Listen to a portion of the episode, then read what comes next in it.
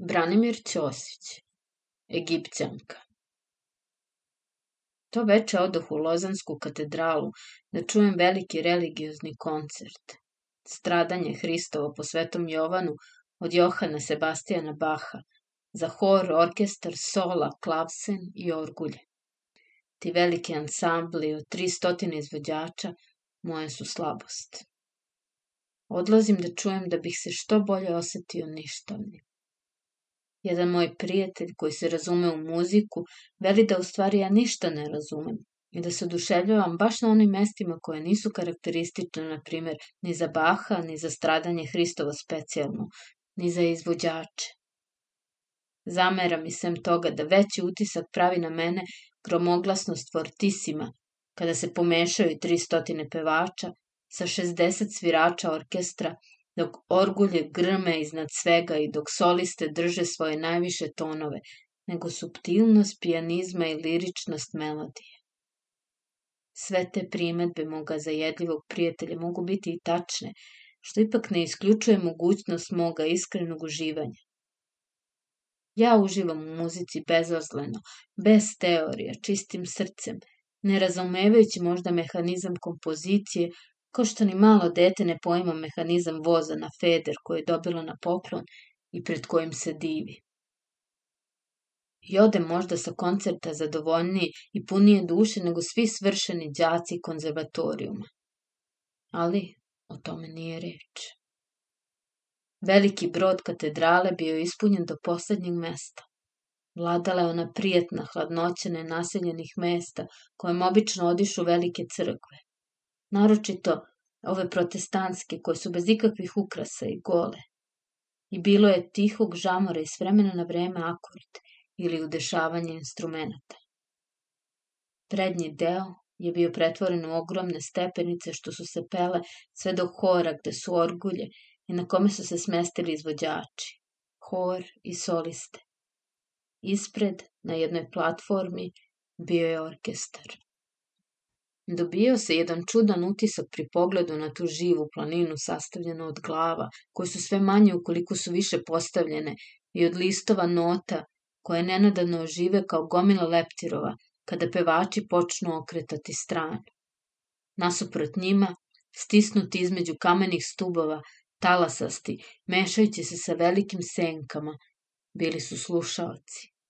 Iznad svega Dizali su se gotski lukovi, izgubljeni svojim krajevima u polu tami. Kako sam stigao dockan, to ne nađoh svoje mesto. Sedoh zato na ivicu jedne grobnice, možda baš na grobnicu Otona od Gransona ili Viktora Amede od Savoje, gole i sive, izlizane i prašnjave.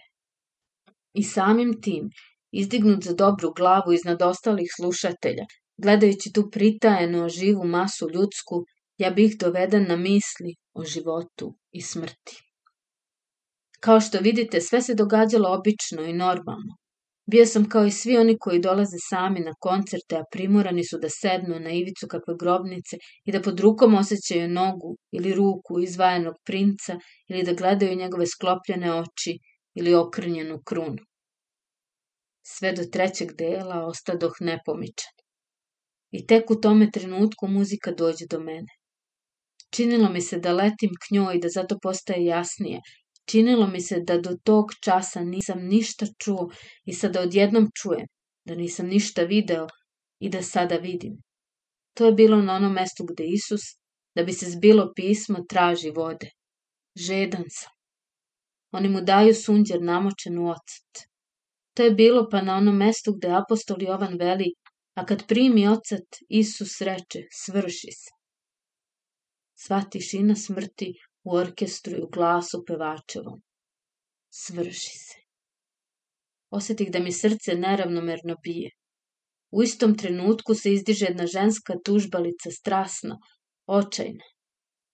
U orkestru se učini pokret i iznad svega zvuk lavsena, tog starinskog instrumenta koji prvi put čujem u životu.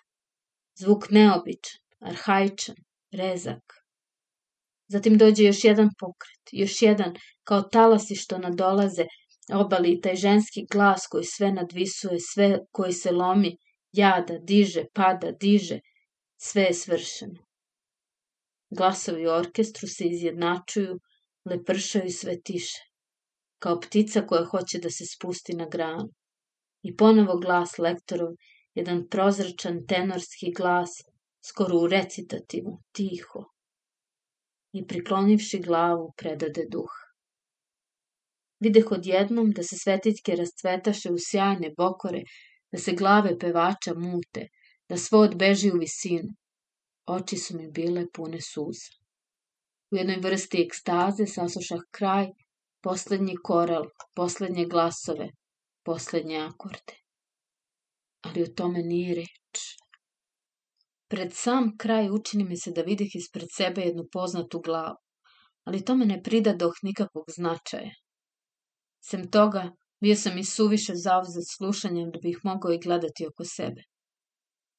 Pa ipak, kad da se koncert završi, bacih još jedan pogled i u isti mah osetih toplotu, pa zatim jezu po celom telu. Toplotu pa jezu. Ispred mene je stajala Marija. Između nas je bio svet koji se dizao sa svojih mesta. Pogledak bolje i odmah mi se učini da to nije Marija. Otkuda bi ona mogla preći taj ogromni put koji deli Kairo od Lozane za tako kratko vreme? I da je prešla, zar bih je našao na ovom mestu? Savest me je grizla, mešajući se sa drhtavicom od susreta. Jer ispred mene uprko svemu stajala Marija i gledala me svojim grozničavim i uplakanim očima. Ali je to bilo tako kao da to nije Marija. Videlo se da je ona, ali ipak kao da nije bila ona, Ličila je na sebe kao slika koja je bila dugo izložena suncu, vetru i kiši, nešto strano je lebdelo oko nje. U to jedan nov tala sveta najđe i skoro je ponese prema izlazu. Vide kako ona pokuša da se izvuče iz stiske, ali bez uspeha. Jedva da podiže jednu ruku iznad glave. Ja se bacih u gomilu koja se valjala izlazu, trudeći se da ne izgubim iz vida njenu podignutu ruku ali kada se nađe s one strane vrata, na čistini, Marije više nije bilo ispred mene. Pogleda kroz granje na zvezde, tamo nije mogla biti. Počeh se gurati kroz svet, levo, desno. Najzad, sasvim daleko ispred sebe primetih jednu žensku priliku za koju mi se učini da je ona kako žurno odmiče. Potrčah, stigoh je, viknuh je, pođoh naporedo. Jedna je svetiljka osvetli lice. To nije bila Marija, to čak nije bila ni ona žena što je u crkvi ličila na Mariju. Vratih se pred katedralu. Sveta je bivalo sve manje, sve manje. Najzad zatvoriše vrata. Je sedoh na jednu klupu i udubih se u noćni pejzaž ispred sebe. Kesten je pretvetavao i pri svakom najmanjem dahu vetra na glavu i na ramena su mi padale okrunjene cvetne latice. Kako je ujedno sve bilo tiho te noći i kako sam želeo Mariju, da je stegnem ruku, da naslonim glavu na njena obla kolena. Tako sam ostao, potišten i zamišljen vrlo dugo. Kolo uspomena se bolno vilo postojeći još bolnije zbog samoće i rasvetanog prođećnog neba u granju. Sat na katedrali izbi ponoć.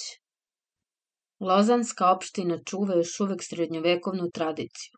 Na crkvenom tornju postoji stražar koji, obilazeći kamenu galeriju, viče na sve četiri strane sveta, koji je čas otkucao. Tako i sada. Tek što otkuca i prestadoše, on pusti svoj snažni glas kroz noć. Ponoć je otkucala. Pa posle pauze. Ponoć je otkucala. Glas mu postaje sasvim nerazumljiv jer je zašao na drugu stranu zvonika, jer vetar nosi uzvik na drugi kraj, najzad četvrti put. Ponoć je otkucala. Zatim zavlada tišina. Potpuna. Tek po koji cvet ako otpadne.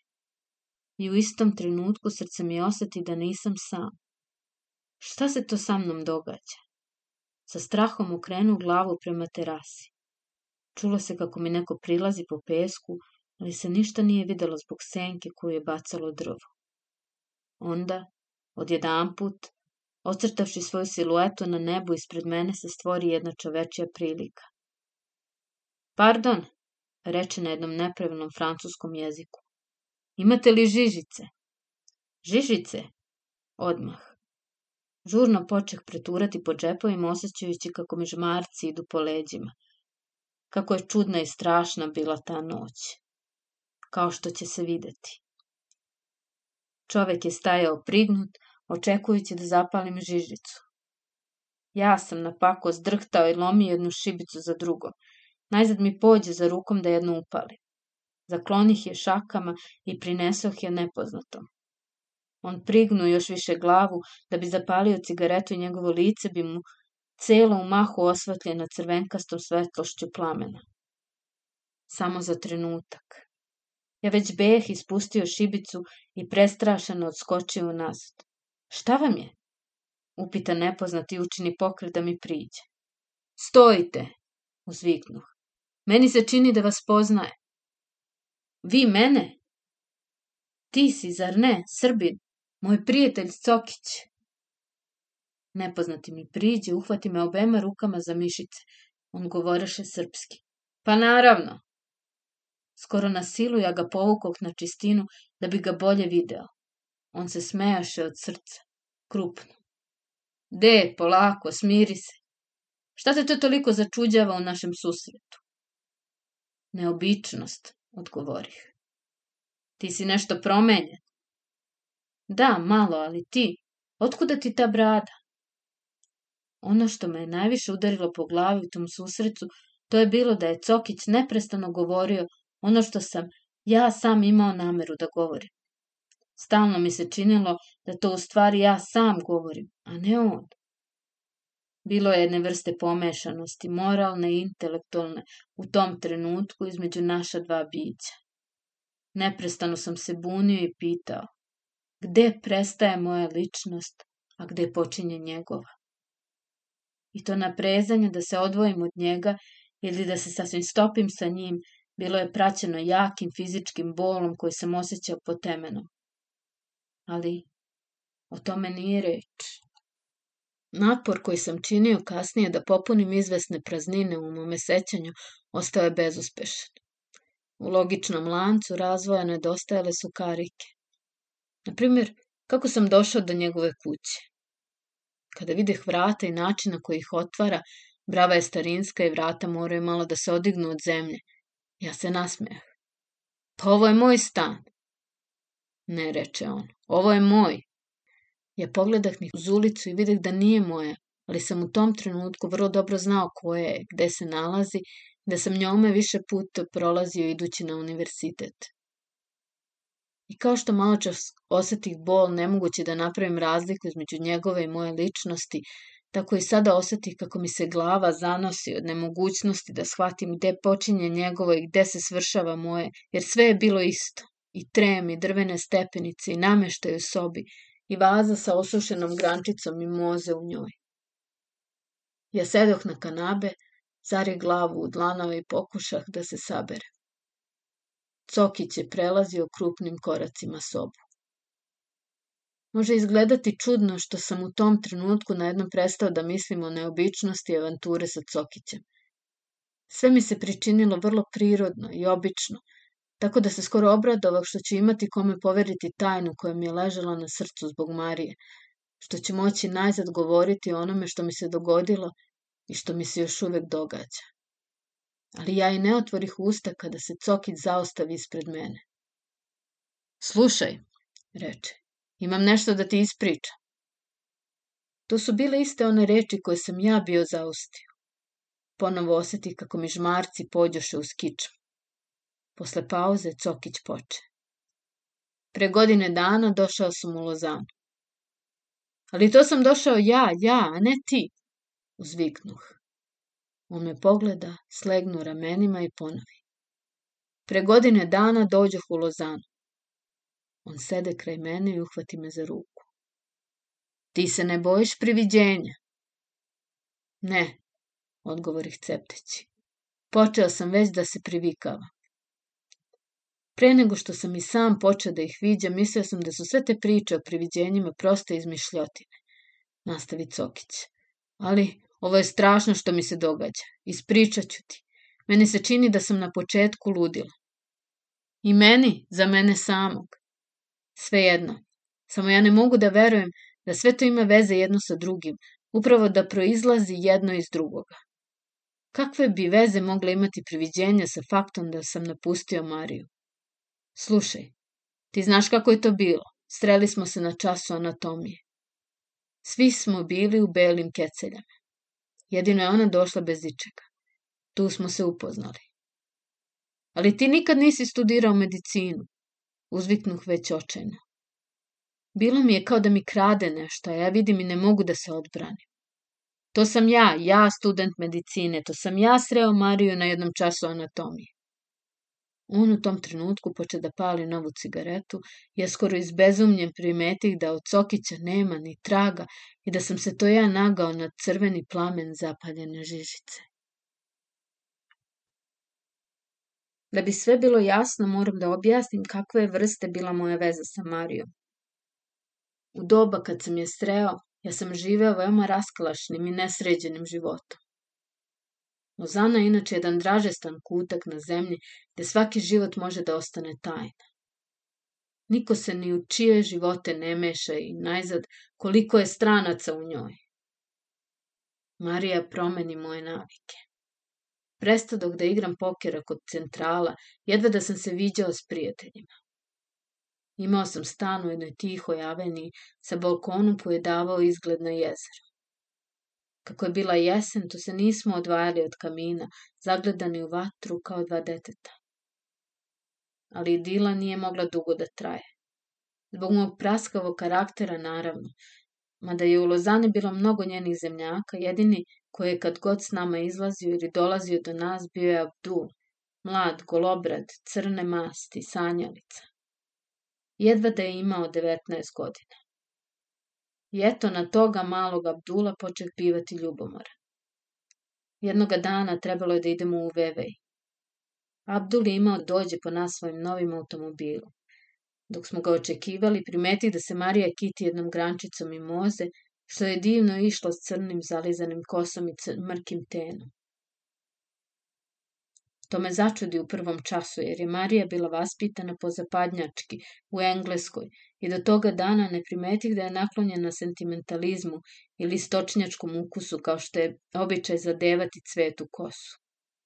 Ali mi odmah zatim pade na um da se Marija to tako doteruje zbog Abdula i krv mi udari u glavu. Ne govoreći joj ni reči, ja joj istrgoh cvet iz kose. Tako je počela prva svađa. Uzalud mi je ona dokazivala da je to bilo zbog mene, uzalud plakala, grlila mi kolena. Abdul nas zateče u dva kraja sobe. Ja odrekoh izlet. Ako Marija hoće, ti možeš otići sa njom, Abdule. Ja ne mogu. Marija obuče kaput i poče izlaziti vada u nadi da ću se pokajati i poći.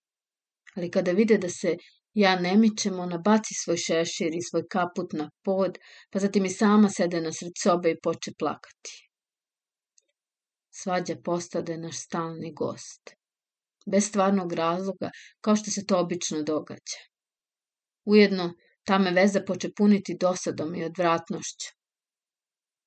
Postanak jednog osjećanja ili njegov prestanak nešto je najintimnije i najnerazumljivije u našem životu. Počeh ponovo igrati poker, ponovo neuredno živeti. Gledao sam na sve načine da se oprostim od Marije. Zašto? Zar samo zbog jedne sumnje? Ili možda zbog primetbe jednog prijatelja da me Marija drži pod papučem? Činjenica međutim stoji da sam ja Mariju u tom trenutku voleo. I samo iz straha od nekog velikog duševnog događaja i straha da se ta prolazna, ja sam naravno mislio da je prolazna, ljubav ne razviju neku bezgraničnu strast koja bi me otela od mene samog, ja sam kukavički hteo da je završim. Da li je sve baš bilo tako, ja ne znam. Zašto sam tako postupao i sada mi je nejasno. Ali o tome nije reč. Marija je sama po sebi bila gorda priroda i sam Bog zna kako je mogla podnositi svakodnevna poniženja koja sam je priređivao. Ili je u nje već i tada gorela ona velika ljubav, koju mi je kasnije u toliko prilika ukazala. Kada jednom zateko kod nje Abdula, iako sam je bio zabranio da ga prima, ja jedva dočekah taj uzrok pa da joj zatvorim vrata svoga stana. Bilo je to jedne večer i prvi sneg je padao i topio se oko 11 časova uveče. Ona je dugo kucala i preklinjala da otvori. Čuo sam kako je nekoliko puta zagrebla noktom, kao ono doba kad je zameta i znak bio čitavo obećanje. Ja ostadoh neumoljiv. To je ostalom bio poslednji put što mogadoh da pokažem čvrstinu svoga jogunluka. Marije odjednom nestade. Prve nedelje ne obratih tome nikakvu pažnju. Čak sam se i radovao. Mislio sam, ah, žene, žene, sve su odreda iste. Ali kada je ni posle dve nedelje ne stretoh, ni na ulici, ni na predavanjima, ja počeh brinuti. Nađoh Abdula u njegovom stanu. Međutim, čim ga videh, ja promenih odluku. Ostadoh po sata, ali ni rečju ne spomenuh Mariju. Kada pođoh. Marija je u San Moricu, reče Abdul gledajući me pravo u oči. E, trebalo bi da odete do nje, nastavi on. Ja ne odgovorih već. Hoćete li u bori vaš doveče Abdule, upitah. On me gledaše trenutak ozbiljno, zatim otvoriš ti vrata da me propusti. Ne, boli me glava. Ja pustih da prođe još nedelja dana, ali me najzad poče gristi savest. Ponovo oduh Abdulu. Abdule, dragi, da li biste bili tako dobri da mi date Marijinu adresu?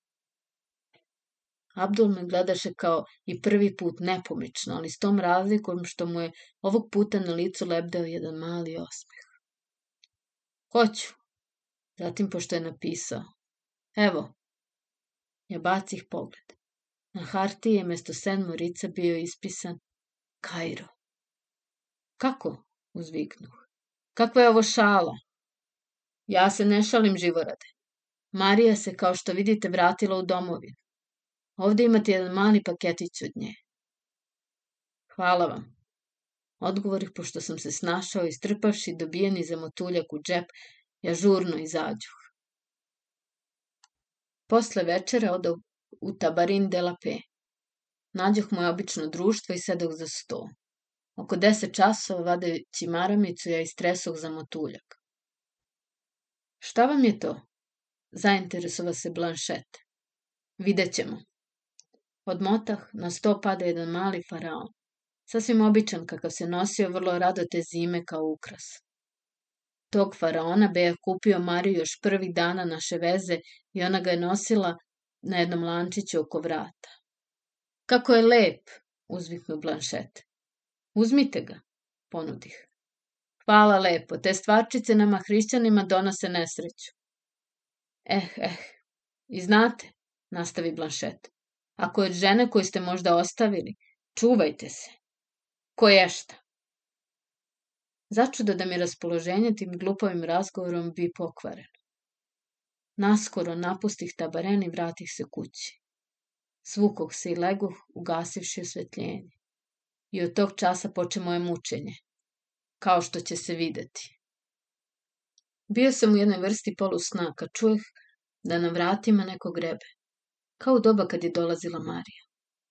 Prva misao koja mi pade na um beše da je to uistinu Marija i da je izveštaj Abdula samo vešto smišljena laž, igra, da bih lakše bio primoran na pomirenje. Zato se napravi da ništa ne čujem, ali kad se znak ponovi, ja ne mogu dalje izdržati, već skočih i otvorih vrata. Pred njima nije bilo nikoga. Besa na sebe, a uveren da mi se to pričalo u dremežu, ja se vratih u krevet. Tek što ostadoh u mraku, a veliki sat na obližnjoj crkvi poče da otkucava 11 časova. Ja se setih, baš je ovako otkucavao sat 11 kad je Marija zakucala poslednji put na vrata. Još je bronza treperila od prvog udara kad osetih da je neko prisutan u mojoj sobi.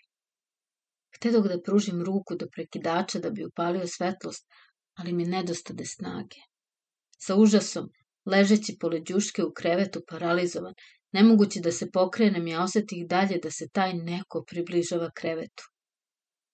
Pomrčina je bila potpuna, ništa nisam mogao videti, ali i pored toga ja sam svakim svojim nervom, svakom česticom svoga bića dolazio do saznanja da je neko tu, čelo nogu, da je taj neko morao biti ogroman, mek, bez forme, nešto kao neka bela i teška masa koja lebdi u vazduhu. I sada nastupi ono najstrašnije. Kao kad se oblak pun grada nadnosi nad polje, tako se i to nešto poče nadnositi nadame. Ne dotičući me, a svaljujući se ipak svom težinom, trepereći, ostavljajući između sebe i mene jedva toliko praznog prostora, koliko da se onde može provući oštrica noža, no se pelo sve više i više. Po licu me je šibala hladna struje vazduha, izgledalo mi je da se približava jedna ogromna, zadihana životinja. Prvo osetih da mi se nadnese nad stopala i čudna težina pade na njih. Zatim dođe do kolena, pa još dalje, do pod srce. Disanje mi se zaustavi od pritiska. Srce se čulo kao u praznoj crkvi. Počeh se gušiti. Napregoh ujedno svu snagu da se pokrene. Spasti usta, ne dati da se ta bezoblična masa popne do usta. Ali se ona pela, praćena ledenom hladnoćem koja je zajedno sa njom putovala od vrhova nožnih prstiju pa sve dalje i dalje. Dopirala je već do brade, teška, pritiskajući, daveći. Ja skupih posljednju snagu i viknuh. U isti mah do ušiju mi dopre otkucavanje sata. Sve što se dogodilo, iako se meni činilo očajno dugo, nije trajalo duže nego što je sat imao da otkuca svojih 11 udara. Pali svetlost, tek pred zoru zaspah nepokretnim i teškim snom. Probudivši se sutradan, ja zaključih da je sve to bilo samo rđev san i posledica velike količine alkohola koju bejah popio u oči te noći. Zato se reših da to veče legnem ranije. Legao sam oko 9 časova i odmah zaspao. Sećam se da sam mislio u snu. Eto, spavam. I da sam se smejao kao da sam nekome podvalio. Ali me odjednom trže i sna bolno i iznemireno lupanje srca. Sat je počinjao da otkucava 11. Celo nogu sam osjećao treperovo prisustvo nečije. Šta nisam radio? Čega se nisam poduhvatio? Povlačio se, menjao mesta, pio, putovao, provodio lakomislen život, vraćao se, odlazio lekarima. Sve je bilo uzalud. Prisustvo moga bezopličnoga i ćutljivoga duha proganjalo me u stopu. Postao sam bio bled, rastrojen. Naglo sam mršavio, postajao apatičan. Bio sam došao dotle da sam počinjao dobijeti drhtavicu, čim bi veče počelo da se spušta. Da bih zaboravio na noć, ja sam pronalazio stotinu stvari da se zavaram. Zatvarao kapke na prozorima još za dana. Zaustavljao časovnike. Dovodio ženice svih vrsta da mi krate vreme. Ali ništa od svega toga nije bilo u stanju da omete dolazak 11. sata, i sa njime pojavu moga fantoma. Taj dolazak, praćen uvek sve istim davljanjem, bio je neumitniji od sudbine. Tako sam proživeo mesec dana, sve do onoga večera kad dosta dobre volje oduh na koncert u katedralu. I prvi put za mesec dana prebrodih preko 11. časa bez običnog priviđenja. Ali sam se zato nalazio pred nečim još strašnijim. Primetivši dakle da to ja sam palim cigaretu, ne Cokić, ja se toliko uplaših da skočiš sa mesta na kome sam dotle sedeo. Jedan časak osjećao sam kako mi se u glavi okreće, zatim osetih udar po čelu i sasvim dođoh k sebi. Sedao sam još uvek na klupi pred katedralom, sa čelom na ivici naslona. Digoh se uplašeno i skoro trčeći krenuh kući. Kod jedne svetiljke pogledah na sat, Ponoć tek što beše prošla za nekoliko minuta. Drhtao sam celim telom i jedva čekao da se nađem najzad u svojoj sobi. U poslednje vreme, da bih izbegao potpuniju uspomenu na Mariju, Beh se preselio u stari kraj Lozane, odmah iza katedrale. Kraj je samašan i dosta sumnjiv. Kuće su podignute na padini, tako su tesno jedna uz drugu, kao da se pridržavaju. Ulice su uske i strme. Mesec beše tek izašao i siješe se više šiljatih i nahjerenih krovova. Pogledavši niz ulicu, ja otključah vrata i uđoh.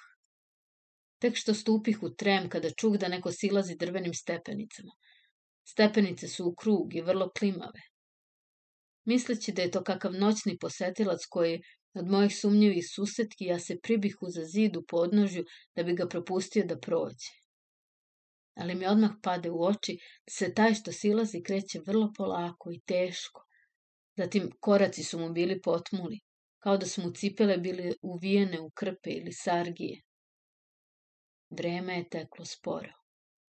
Brojao sam udare tih nogu što silaze da bi ga skratio. Najzad čuše se sasvim iznad moje glave. Drvena rasknuimatana rampa je škripala. Ja zadržah dah. Kako beh ostavio za sobom otvorena vrata, to je mesec osvetljavao stepenični zavijutak punom svetlošću. I tako, spuštajući se od ozgo, iz mraka u svetlost stupi jedna noga, pa druga, pa dve bele ruke opuštene niz telo, pa najzad jedno nepokretno lice. Mesec je velim padao pravo, video sam dobro.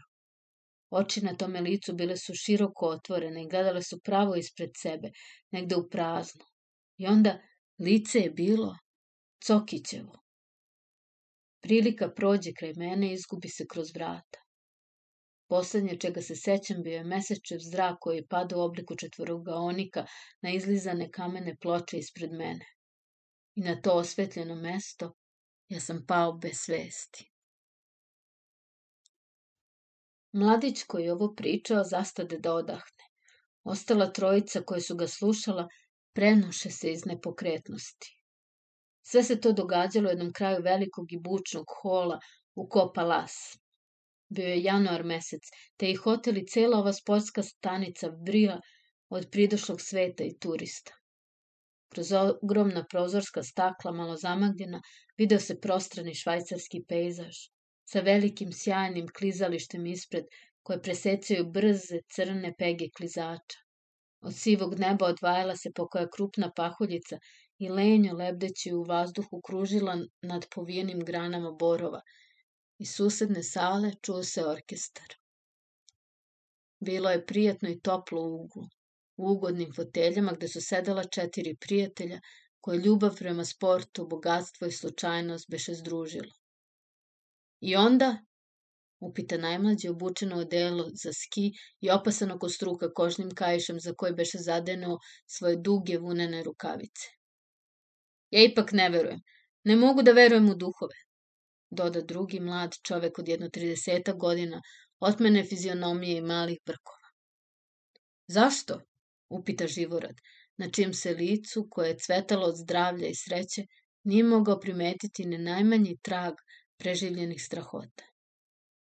Ja mislim, reče mladica brkovima, da je to bila jedna vrsta autosugestije, inače, zatim okrenuši se kelneru koji je tuda prolazio. Alo, još jedan grog. Ali, kako se najzad sve to svršilo? Ponovi pitanje mladić sa kajše. Vrlo prosto. Posle tri nedelje vrućice vratih se u stan koji sam ranije zauzimao. Gospodja mi predade dva pisma koje behu za to vreme stigla. Prvo je pismo bilo iz Beograda. To je bilo baš tvoje pismo. Obrati se Živorad mladiću sa brkovima. U kome si mi, između ostalih vesti, javljao i o samoubistvu Cokićevom. On se ubio istog dana, iste one noći, kad mi se privide u Lozani. Bio je, kao što si javio, u agoniji između ponoći 12 časova i četvrt, tačno u vreme između moga sna pred katedralom i priviđenja u tremu. To je nemoguće. To je uobraženje, uzviknu mladić sa brkovima. Ali zašto? Ima u životu puno neobičnih stvari. Da, prihvati mladić sa kajšem. Dešava se, Na primjer, da imate da otputujete nekim vozom i odjednom vam se ne ide. To se desilo mome stricu. Imao je već i kartu. I mesto da ode, on se vratio. Sutradan čitao u jutarnjim novinama da je voz Beograd-Zagreb, kojim je trebalo kao juče da otputuje, iskočio iz šine. Ko je šta? Tvrdoglavo pobiješe mladić sa brkovima. To su sve samo babska verovanja kao i ona da ne treba proći ispod lestvica, da ne treba zapaliti jednom šibicom tri cigarete, da se treba vratiti ako vam crna mačka pređe put. To nema veze sa ovom pojavom o kojoj govorimo, ali je skoro dokazano da se mrtvi u času kad napuštaju zemlju javljaju svojim udaljenim rođacima i prijateljima. Tako se moje babi pričalo jedne noći da joj neko tri puta zovnuo po imenu. Posle smo doznali da je te iste noći umrla sestra. Kako hoćeš. To su ili bajke ili... Pa dobro, možda i slučajnosti, ali ništa dalje od toga. A ono drugo pismo, prekide mladić Skajša, željen da dođe do kraja istorije. Odakle je ona bilo? Iz Sen Morica. Od Marije? Od Marije. I onda? Pošto to nije više tajna, to ćete mi dopustiti da vam predstavim svoju ženu. Evo je gde dolazi. I od tada više nisi imao priviđenja. Nikad više. U tom trenutku prijatelji videše jednu malu i mladu ženicu kako izlazi iz osvetljenog lifta. Ona nije bila ni lepa ni ružna. Kosu imala vrlo crnu i potpuno začešljenu. Bila je odevena u kratku suknju na kocke sa zelenim vunenim sveterom, kakve obično nose klizači. U levoj ruci je nosila cipele sa klizaljkama i belu vunenu kapu. Čak i ni oči nisu bile nikako naročite, prozračne i svetlo žute, na mrkom tenu. Na tankom lančiću o vratu visio je jedan mali minijaturni faraon od srebra. Ona im priđe sasvim prirodno i mirno i živorad joj predstavi svoje tri zemljaka i prijatelja. Posle kratkog razgovora koji se uglavnom kretao oko vanrednog snega i skorih utakmica u Lezavantu i za vreme koga se Marija pokaza kao vrlo simpatična i duhovita ličnost, prijatelji se oprostiše. Živorad sa Marijom ode na led, a ostala trojica uputiše pred terasu gde počeše da prikačenju svoje skije lupajući potpeticom jednu stepenicu da sa nje skine ulepljen sneg, mladić sa kajšem reče. Lep roman. Samo posle priče njegova me Egipćanka sasvim razočarala. Sasvim obična osoba. Ali vešta, odgovori mladić sa brkovima, mučeći se pritom da prikopče jednu pređicu, što je išlo vrlo teško, jer se koža beše zaledila. Kako tako tek ona steče muža? Ja ipak ne mogu da razumem. Čime ga je to ona mogla toliko opčiniti? Nastavi prvi. Šta je to na njoj nešto naročito? Da ništa tu naročito nije ni trebalo. Sve to došlo sa njegove strane. Autosugestija, kažem ti. Drugi se, svršiv si nazad sa pređicom, uspravi i počne navlačiti rukavice. Ipak, ja ne bih voleo da se nešto nađem kraj nje, progovori treći mladić obučen u kožnu bundicu, koji do tog trenutka ne beše progovorio ni reči. Ba, učini drugi. Zatim, hoćete li da zapalite? Tri mladića se skupiše u gomenu. Mladić sa brkovima zapali prvi, zatim pruži žižicu mladiću sa kajšem, najzad onome u bundici. Ovo je već htede da zapali, ali se namah seti i dunu. Neka hvala, Druga dvojica prasnuše u smeh, ali on mirno zapali novu žižicu i tek onda pripali svoju cigaretu. Kada krenuše padinom, mladić sa brkovima oduševljeno reče. Kakav divan sneg! Onaj u bundici zamišljen odgovori mahinalno. Da, sve škripi, ali mu se po izrazu lica moglo videti da misli o nečem drugom. Iz neba su još uvek padale krupne pahuljice i tiho lebdele na čutljivom i belom dolinom kojom su se sve brže i brže spuštala tri skijaša. Sve ostalo, glečer i bor je pokriveno debelim slojem snega, ostalo je dalje nepomično i zamišljeno.